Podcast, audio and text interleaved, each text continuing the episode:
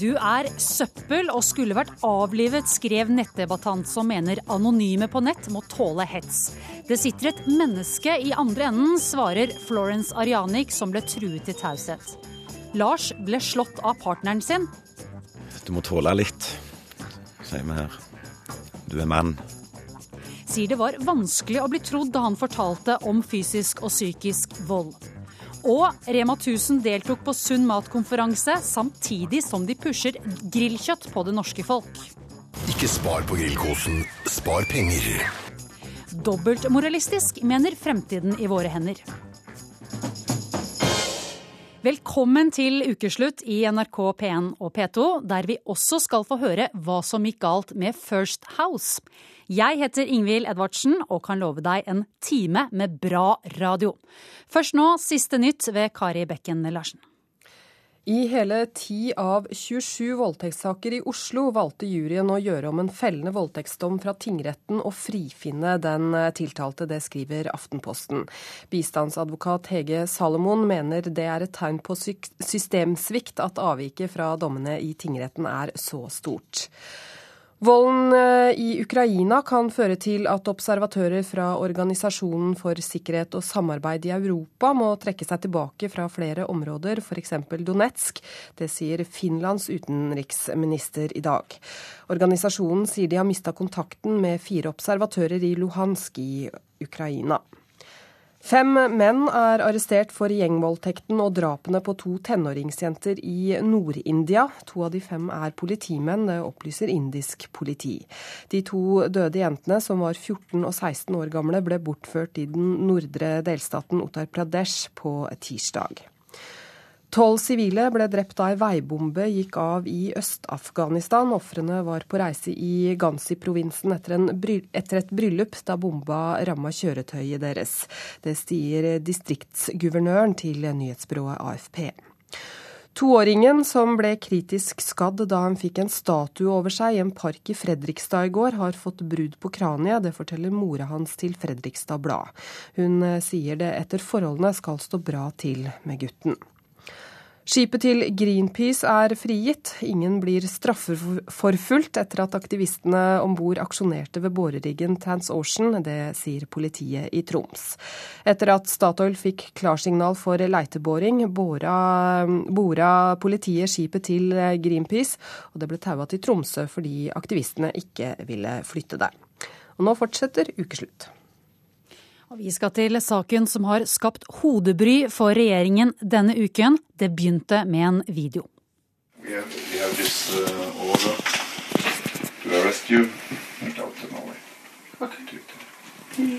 And uh, I think it's, in my opinion, it's a shame, but we ja, det var ikke bare politimannen som skulle arrestere kamptolken Faizullah Muradi som mente behandlingen var urettferdig. Reaksjonene har vært mange, og regjeringen ba på onsdag om at saken hans vurderes på nytt. Nå er um, han det gjelder i Italia. Vi snakket med Muradi tidligere i dag.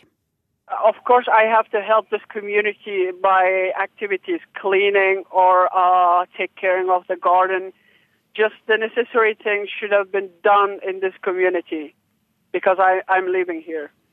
Muradi forteller at han bruker ventetiden til å hjelpe til på stedet der han bor, med å vaske og gjøre hagearbeid. Han sier også at eh, i Afghanistan har de fått med seg medieoppslagene om situasjonen hans, og han frykter at det kan få konsekvenser for familien i hjemlandet. Vi har med oss eh, Martin Hallaker Åknes. Du kjempet med Murad i Afghanistan og står bak en innsamlingsaksjon. Hvordan går det? Jo, eh, det går veldig bra. Vi har eh, fått bidrag fra, fra hele landet, der folk i alle sjikter har bidratt med, med penger til denne aksjonen. Hva sier de som støtter dere? Det er entydig gode tilbakemeldinger på, på, det vi gjør, og folk har forståelse for at uh, hvis vi skal vinne denne kampen, så trenger vi litt midler. Og det er viktig at folk fortsetter å, å hjelpe til med, med, økonomiske bidrag for å, å få Fais hjem. Du sier folk fra hele landet. Hvem er det som gir penger? Uh, i, i, starten så var jo det her en, en lukka sak der det var primært uh, veteraner fra, fra, bidraget ned i Afghanistan som ble spurt. Men nå er det faktisk folk fra hele landet som, som ringer og sender mail og ønsker å, å, bidra. Og det er faktisk folk som lever på sosialstønad, som har få tusenlapper å leve for i måneden, som har engasjert seg og faktisk bidratt økonomisk i denne saken. Og det beskriver litt hvor betent og hvor feil vi føler eh, Fais har blitt behandla. Så mm, håper vi jo de her pengene eh, skal komme godt med i, i prosessen med å få han tilbake. Hva gjør dere videre nå for å hjelpe ham? Eh, det er jo gjort flere ting, spesielt fra, fra, Mandal. Så jobber jo flere personer der, både opp mot uh, Eh, politikere og, og, advokater. Det jobbes i, i, Italia, og det jobbes her hjemme videre med å samle inn penger. Så det er folk på, på alle nivåer som bidrar nå, og vi håper nå at eh, folk fra Forsvaret eh, tar eh, også stille opp eh, og fortelle at eh, nå må noe gjøres, og at denne ansvarsfraskrivelsen er noe vi ikke kan eh, stå og se på lenger. Men nå må vi få ord over i handling, og det få Fais hjem til å få behandla søknaden sin som forventes av oss som velger folkevalgte til å ta fornuftige beslutninger på vegne av oss. Martin Hallaker Åknes, takk for at du var med i Ukeslutt. Vi legger til at justisministeren ikke hadde anledning til å være med oss i dag. Du er søppel! Du skulle vært avlivet uten nærmere dikkedarer. Dette skrev du, Bjørn Inge Lorentzen, i et kommentarfelt på nettet nylig. Hvorfor skrev du det? Eh, jeg hadde nær sagt eh, hvorfor ikke. Men eh, det var resultatet egentlig av en ganske lang skal vi si, grublerier omkring anonymitet i det offentlige rom. For den du mener skulle vært uh, avlivet, var en anonym debattmotstander, altså. Så du mener det er greit å komme slike kommentarer når folk er anonyme på nettet? Ja, eh, for altså det, det, det retter seg jo ikke mot noen. Han er jo anonym, han eller hun eller hvem det nå er. Og de kan jo ikke røres, røres av det. En trussel må, slik jeg begriper det, ha en, en identifiserbar adressat, og det finnes jo ikke her. Under dekke av at anonymitet er normalt, får vi sånn derre eh, pakk som driver og sender av gårde trusler til Florence Arianik eller Heidi Nordby Lunde eller andre stortingsrepresentanter. Florence Arianik, denne uken har du gått ut og fortalt om hvordan du ble truet til taushet i et halvt år. Hvordan reagerer du på det Lorentzen skrev? Altså, han snakker om normalisering av anonymitet i debatten. Og det som jeg syns at han bidrar til, er jo normalisering av hatprat i debatten. Jeg syns at man skal ha en viss standard for hvordan man prater til hverandre, også i kommentarfeltene på nettet. Forsvarer det på noen som helst måte det han gjør, at han retter dette mot en anonym person? Overhodet ikke. Det sitter et menneske i den andre enden, og jeg kan ikke helt begripe at han mener at uh, anonymitet er det største problemet. Jeg er ikke noe fan av anonymitet heller, men enda mindre fan av å spre sånn søppel som det du har gjort på nettdebatten. Det er et stort problem, og jeg kan ikke begripe at du kan forsvare det. Nei, jeg, jeg, kan ikke se at det er et stort problem å drapstrue noen som ikke eh, kan bringes til kjenne. Det er et altså, problem, for det sitter et menneske i den andre enden. Ja, og vedkommende og lever skal, godt under dekke av anonymitet. Men debatten skal ha en viss standard. Du skal debattere en sak. Du skal ikke sitte der og sende trusler mot folk og si at jeg skulle ønske du var avliva. Men man kan ikke debattere med anonyme. Man kan ikke debattere med anonyme. Det kan du, for det står Nei. ord der. Nei, man kan ikke debattere med anonyme. Det står ord der. Det er en tekst de, de, de der. Du kan svare på den teksten holdning. på en saklig måte. Nei, de har inntatt en feig du... holdning i utgangspunktet. De har inntatt en posisjon som ikke hører hjemme i det opplyste samfunn. Men din holdning er ikke særlig forsvarlig når du sitter der og kaller folk for pakk og søppel og ønsker at de er avliva. Det der var en tilsnikelse, for jeg har ikke kalt folk det. Du sa, det anonyme, jeg har sagt du sa nettopp at det her er pakk. Ja. ja. Men, men også de sitter bak der. Jeg, jeg, altså, min, min utskjelling kan ikke være målretta. Det går ikke an å kalle dem for målretta. Vi har også med oss advokat Jon Wessel Aas. Du har jobbet med ytringsfrihetsspørsmål i en årrekke. Hvor går egentlig grensen for hva man kan si? Jeg, jeg regner med at ikke vi har tid til å gå gjennom alle disse grensene, men at vi er litt i det landskapet dere har, dere har tegnet opp her. Altså sjikane, trusler osv. Det fins jo mange andre begrensninger. Men eh, det går jo, grensen, grensene går jo her, altså f.eks. som du har vært inne på, ved trusler. altså Som også skal da være egnet til å skremme eller oppfattes som det av mottakeren.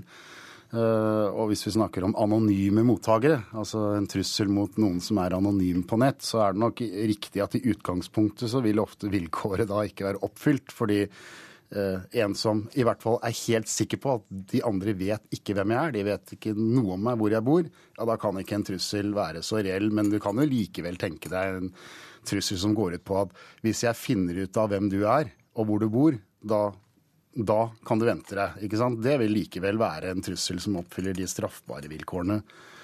Men hva gjør det med eh, det offentlige ordskiftet at man har et sånt språk i debatten? Det sier seg selv at jo mer saklig man er i ordbruken, jo mer saklig blir debatten. Det tror jeg er et utgangspunkt. Men, men det, det, jeg syns er viktig her, i et demokratiperspektiv, det er at det som enten det er straffbart eller ikke, men særlig det som går over til å bli trusler, eh, som truer folk eh, til eh, og reelt sett forårsaker at de ikke tør å delta i debatten, det er selvfølgelig dårlig for demokratiet. Og det er jo en av grunnene til at vi har regler om det.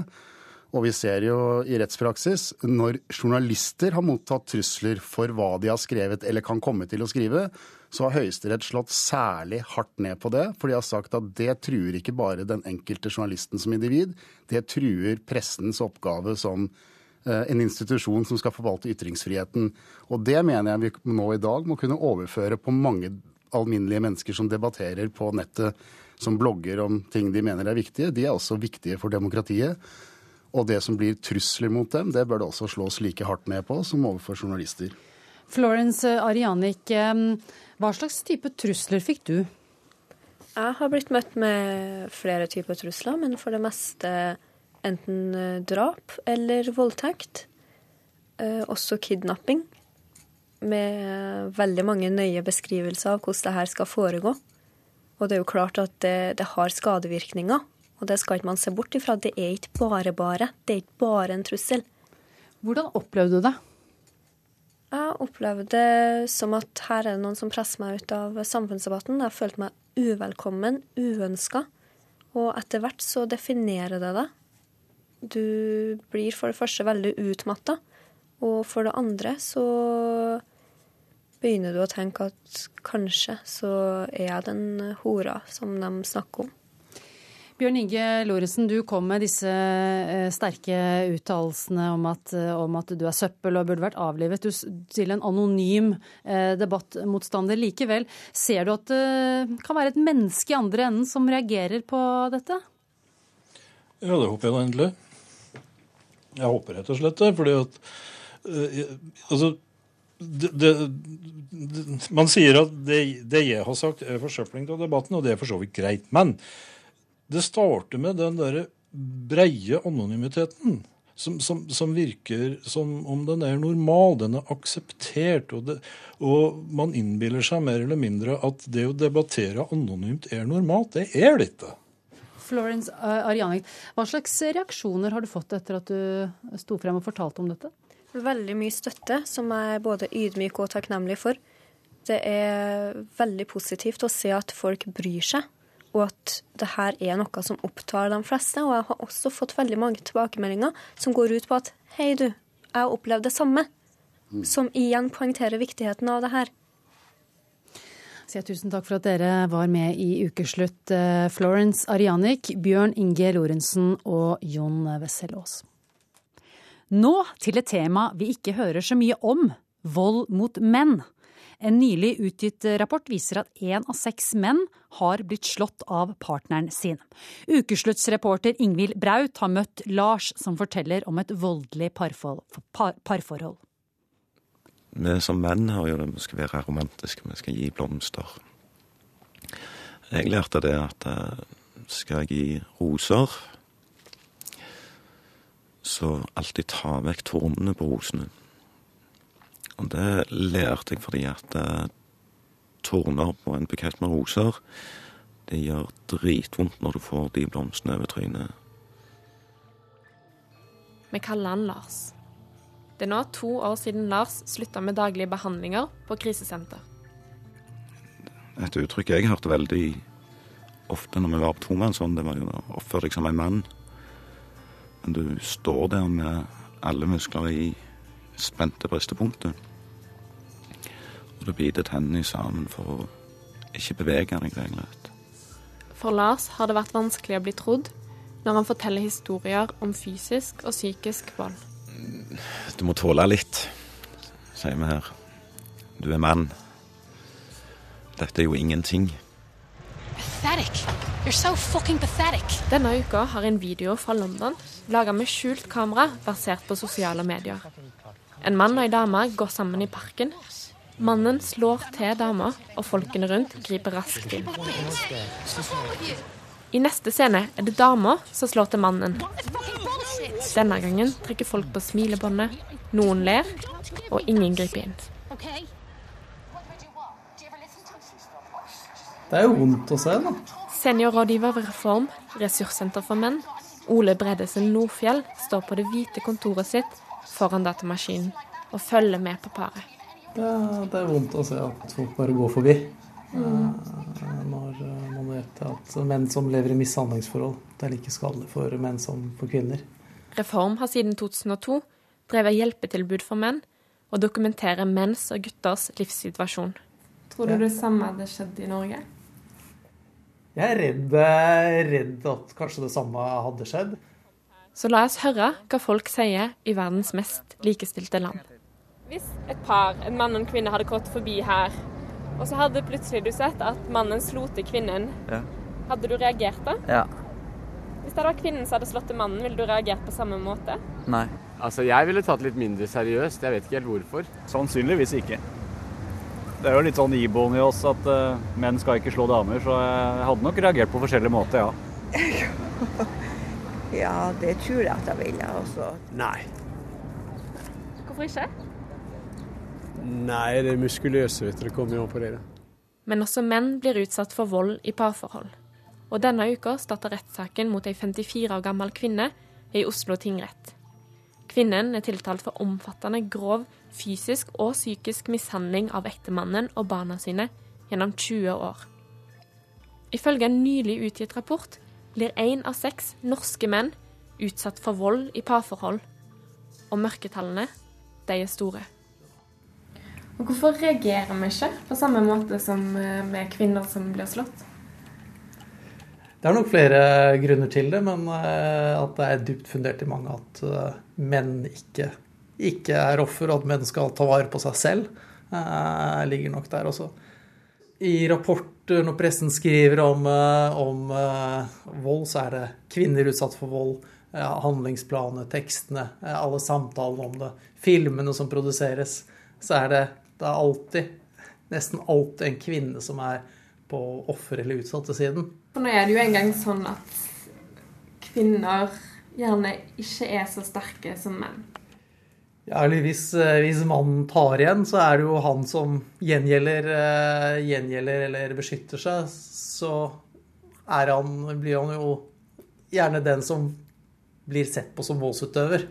Eh, og det er eh, mange menn som ikke, ikke ønsker. Og så, så går jo nettopp på mange også menn har en forestilling om at de utøvelse av vold, og man slår ikke kvinner. Så, så, så det er nok ikke så lett Og, og Det fysiske styrkeforholdet er jo ikke det, det, det viktigste, egentlig.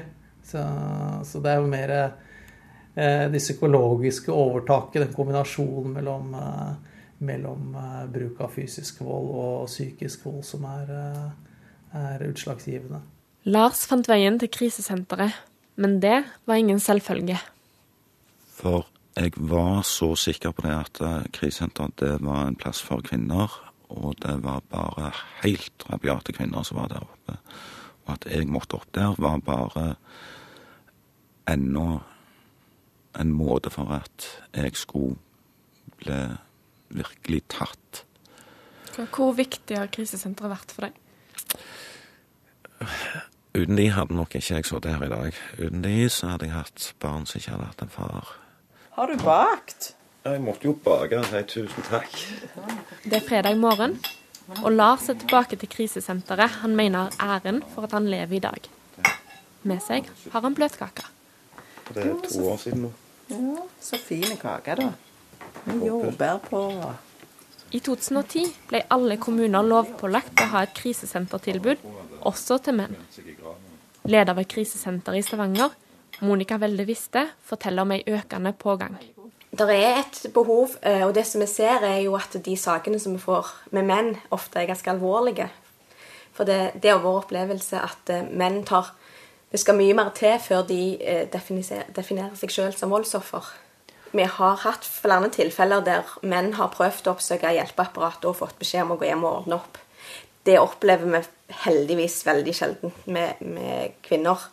Eh, og det er jo det vi ser, og det er jo det vi tror at økningen skyldes òg, er jo ikke nødvendigvis at det plutselig er mer menn som trenger hjelp, men at hjelpeapparatet er begynt å bli mer obs på det. For vi vet jo at de få undersøkelsene har vært, viser jo at menn er like mye utsatt for vold som kvinner, bare i at det, det litt sjeldnere er helsemessig farlig eller livstruende.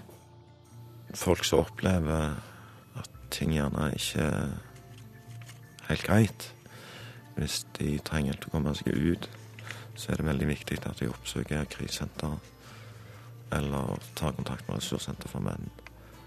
Det er det viktigste, jeg vil si. Og det er uavhengig om det er kvinner eller menn eller voksne barn.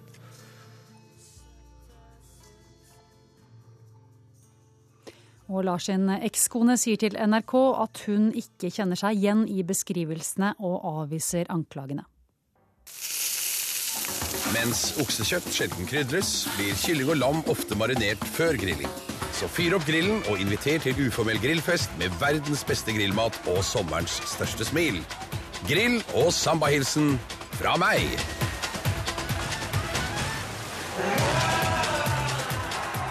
Ja, grilling er for mange en viktig ingrediens for en vellykket sommerkveld i hagen eller en tur på stranden. Det vet Rema 1000, og med god hjelp fra skuespiller Sven Nordin og fengende sambarytmer reklamerer de i disse dager heftig for biff, pølser og annet kjøtt.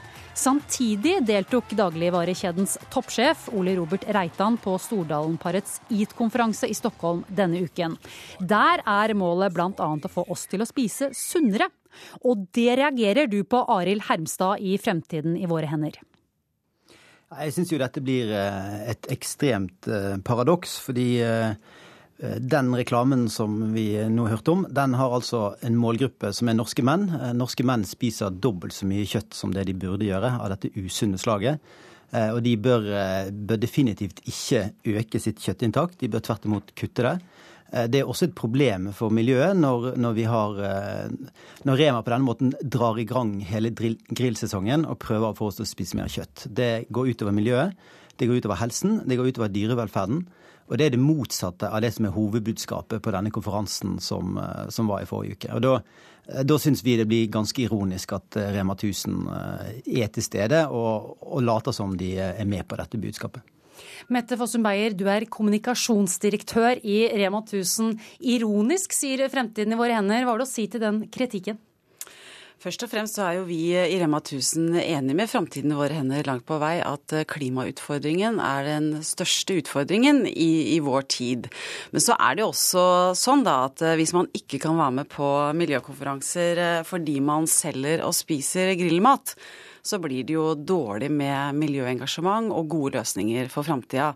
Så, så, det er jo også litt ironisk sett i, i et sånt perspektiv. Vi er jo med i EAT først og fremst for å lære. Her får vi tilgang på verdens fremste forskere innenfor sunnhet og helse, bærekraft og miljø. Vi får tilgang på verdens ledende politikere på området, og også andre næringslivsledere som vi kan la oss inspirere og motivere av.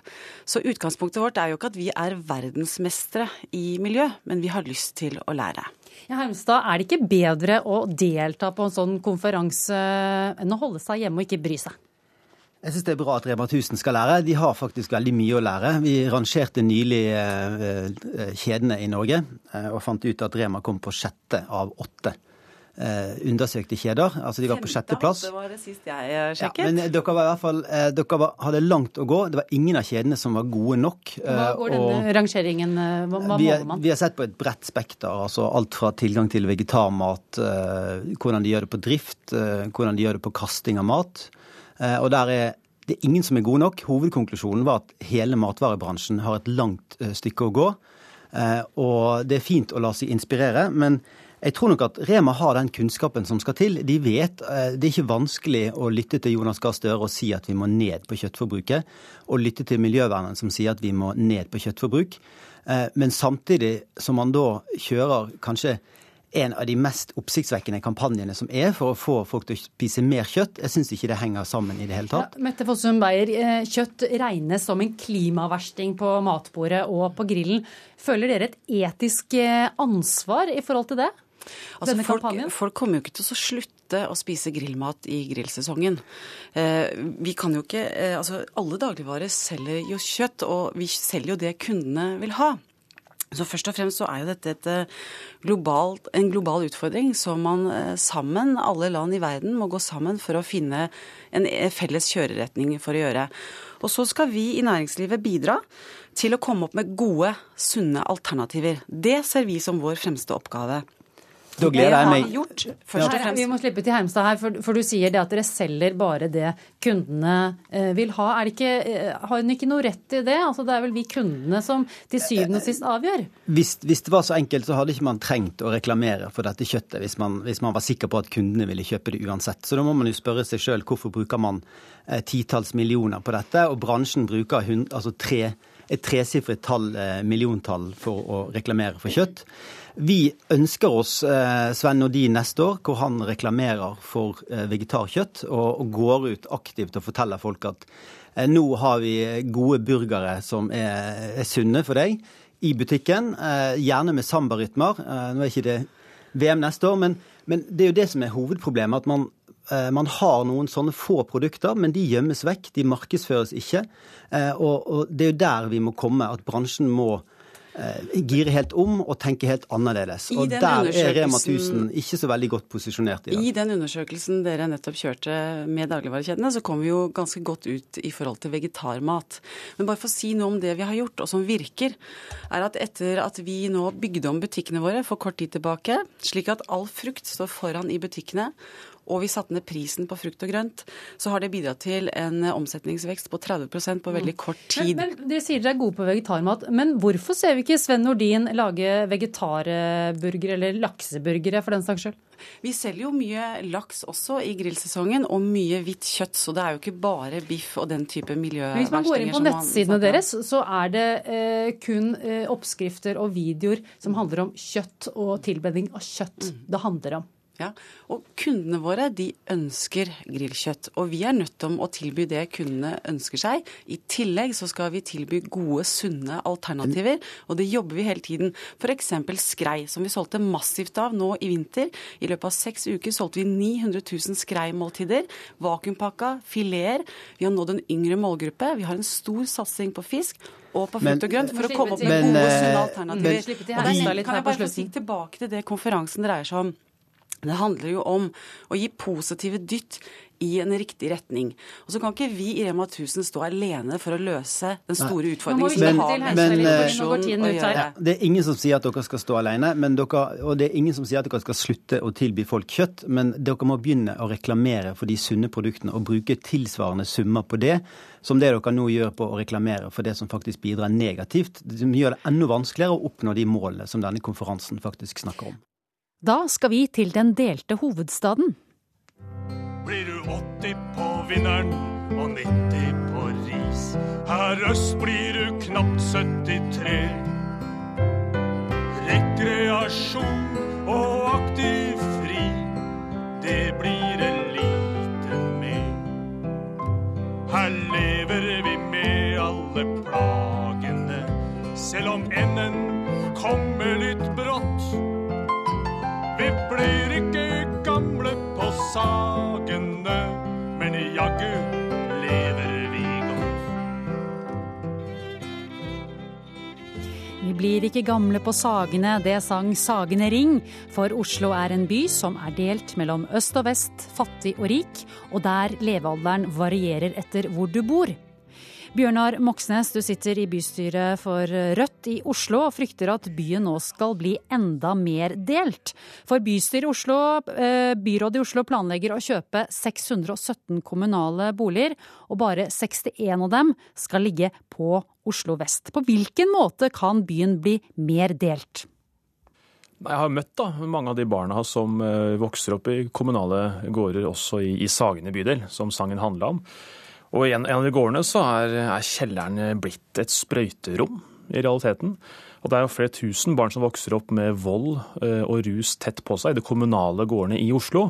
Og når nå byrådet ønsker å, å, kjøpe enda flere kommunale boliger i Indre Øst, over halvparten skal være i Indre Øst, så betyr det at man forsterker de problemene, framfor, som egentlig bystyret ønsker, å spre det utover hele byen, så at hele byen tar sin del av ansvaret, og ikke bare at Grønland, gamlebyen, eh, Sagene, Grünerløkka eh, tar eh, den jobben som de gjør i dag.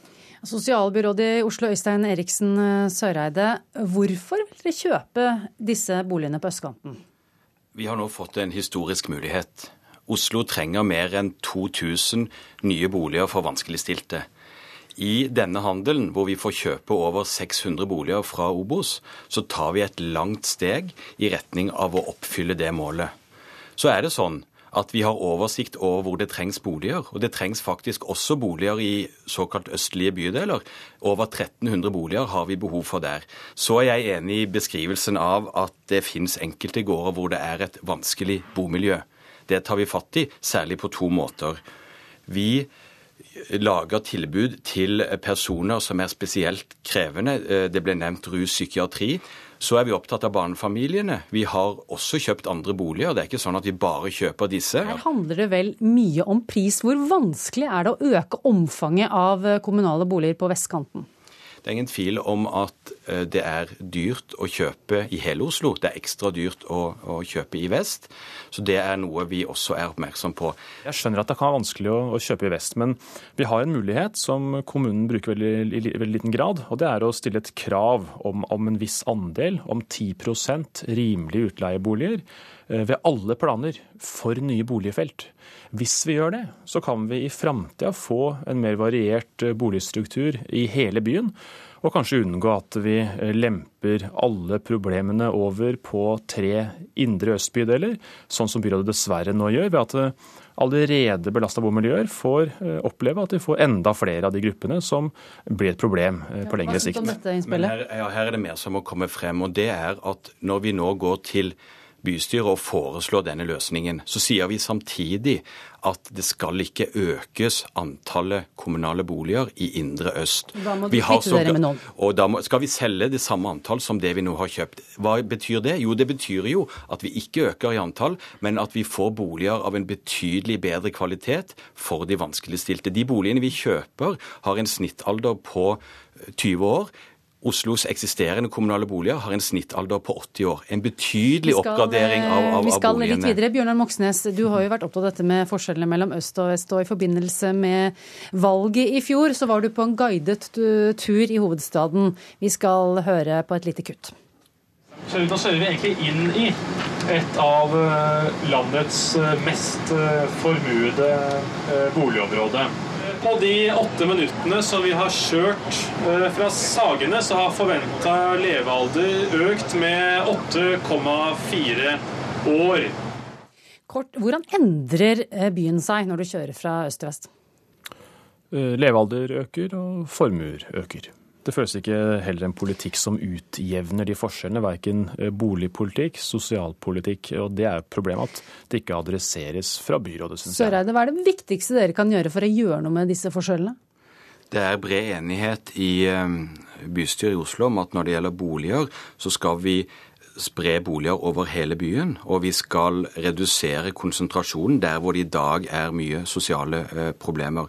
Så er det sånn at når det gjelder folks levekår, så er det etter min oppfatning særlig to ting som er viktig. Det er utdanning og jobb. Og jeg kan også legge på, siden jeg er helsebyråd også, eh, altså folkehelsen og hel helseproblematikk. er ikke det dere gjør nå egentlig å gå i motsatt retning av det dere ønsker? For eh, det hadde jo vært bedre om dere kunne kjøpe disse boligene på vestkanten hvis dere skal nå målet? Eh, Som sagt så er det sånn at det trengs boliger over hele byen. Vi har god oversikt over eh, hvor boligene trengs, og vi kan ikke eh, tvangsflytte folk. Så skal vi også kjøpe boliger eh, i eh, vest. Fire av ti boliger vi har kjøpt det siste året, har eh, vært i vest. Og så er det også sånn, og det er en, et system som hele bystyret har stilt seg bak, nemlig at hvis du trenger bolig, så er det bydelen du bor i som skal skaffe deg det. Altså man kan ikke uten videre tildele i andre bydeler. Ja, men Her skal man altså kjøpe 617 eh, boliger. Eh, Ingen, ikke en eneste en, kjøpes i bydelene Ullern, Frogner eller Vestre Aker. Problemet er at byrådet lar kommunale gårder stå og forfalle. De lar mange tusen barn vokse opp i rus og fattigdom. Og samtidig er jo en politikk ikke- som forsterker Det er ikke bare å få disse boligene i nabolaget. Du bor jo selv på Nordstrand, eh, i et stort hus, har jeg skjønt. Kunne du tenke deg å få kommunale boliger som nærmeste nabo?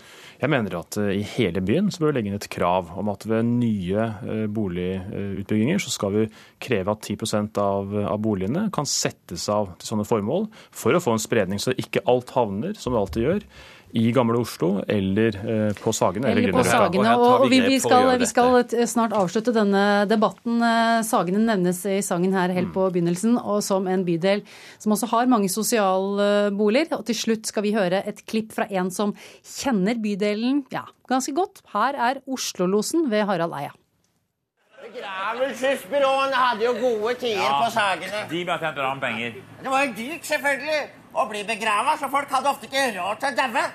Så det å daue var et tegn på at du hadde penger og status.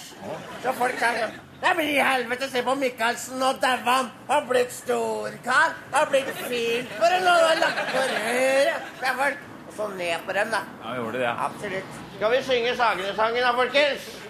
Alle versa. Sagene er lever kort. Her gidder vi ikke leve lenge. Er, er så kort. Alle versa. Har ikke tid til lengre sanger når du lever så kort, kamerat. Mer har ikke vi tid til her i Ukeslutt i denne omgang heller. Takk til dere Bjørnar Moxnes og Øystein Eriksen Søreide. First House tok en kalkulert risiko da de gikk ut og kritiserte Nobelkomiteen. Det mener Kjetil Raknes ved Markedshøgskolen. Og en stund gikk det bra for PR-byrået, helt til avisene begynte å grave frem byråets gjøren og laden. Ukeslutts reporter Linn Beate Gabrielsen har forsøkt å finne ut av hva som gikk galt. Og den tanken at vi skulle ta et oppdrag for kinesiske interesser med dette formålet her, det savner altså ethvert rod i virkeligheten. Morten Wetland i First Hounds er på ballen når Aftenpostens Harald Stanghelle går høyt på banen med rykter. Men jeg stiller da ut ifra dette en rekke spørsmål. Og da syns vi det er mer enn spesielt, eh, og vi mener grovt klanderverdig av Stanghelle. Der inn i feltet, opp i lufta, og så går den inn til stanga! Og i mål! Den går i mål! Altså, de, de skåret et stort mål i, i starten ved å kritisere Stanghelle, men så har de sluppet inn ganske mange mål etter det. Dommeren i denne saken, Kjetil Raknes, høyskolelektor ved Markedshøgskolen, tidligere statssekretær, tidligere PR-rådgiver. Åh. Altså, dette var i utgangspunktet en gavepakke til First House fra Aftenposten, for det var helt åpenbart at Harald Stanghelle hadde begått en, en blunder, noe som andre journalistkollegaer påpekte veldig tidlig. Og på den onsdagen, sånn typisk sånn for Dagsnytt 18 her, så kan du si at First House så veldig offensive eh, ut. Harald Stanghelle sleit veldig utover dagen. Du merket at forsvaret hans ikke var spesielt bra. Og andre journalister kom til og slengte seg på og støttet på mange måter First House sin eh, versjon av eh, denne saken. Så langt, så vel. Men nå kommer journalistene i angrepsposisjon. Dette var altså sist onsdag. I den samtalen så nevnte du ikke at du nettopp hadde deltatt i et lukket møte i regi av Rederiforbundet, der nettopp Norges forhold til Kina var tema. Hvorfor ikke det? Jeg mente at det ikke var relevant i denne sammenhengen, fordi å diskutere Norges forhold til Kina, det mener jeg flere burde gjøre. Og nå handler plutselig ikke saken lenger om hvorvidt First House har blitt utsatt for et presseetisk overgrep eller ikke, som er selvfølgelig den debatten First House ønsker. Nå handler det om First House sine eh, forretningsmetoder, om de på en måte undergraver Norges utenrikspolitiske interesser ved sin virksomhet, og hvorvidt de sjøl er en politisk aktør oppi dette. På onsdag ble det stilt spørsmålstegn ved eh, Harald Stanghelles troverdighet. I dag er det vel grunn til å stille spørsmål ved din? Ja, det får folk gjøre seg opp sine egne meninger om hva de tror og ikke tror. Jeg lurer på, Hva tenker du når jeg sier First House? Ja, altså, Jeg tenker jo det at det er eh, litt søkelys mot det for øyeblikket da, i forhold til Kina, og at de kanskje driver og og samarbeide med kinesiske myndigheter en del i forhold til mange ting som også gjelder Norge. Ja. Nei, Det er vel uh, mye Virker som det er mye kokelebunke og mye rart. Oh, ja, det, da tenker jeg på det som er, sier at de ikke har forhandla med kineserne. Har du noe inntrykk av hva, hva går kritikken ut på, som First House har fått? Oh, ja, det er at de sier at de ikke har hatt noe kontakt. Og så mener jo Aftenposten og VG at det har de hatt, da. Og så bortforklarer de dette. Jeg er 100 sikker på at det har vært telefonsamtaler til First House fra kunder som ikke er fornøyd med, med, den, eh, med alt det støyet som nå er i norske medier knytta til First House. Men Har de noen måte å redde seg på nå?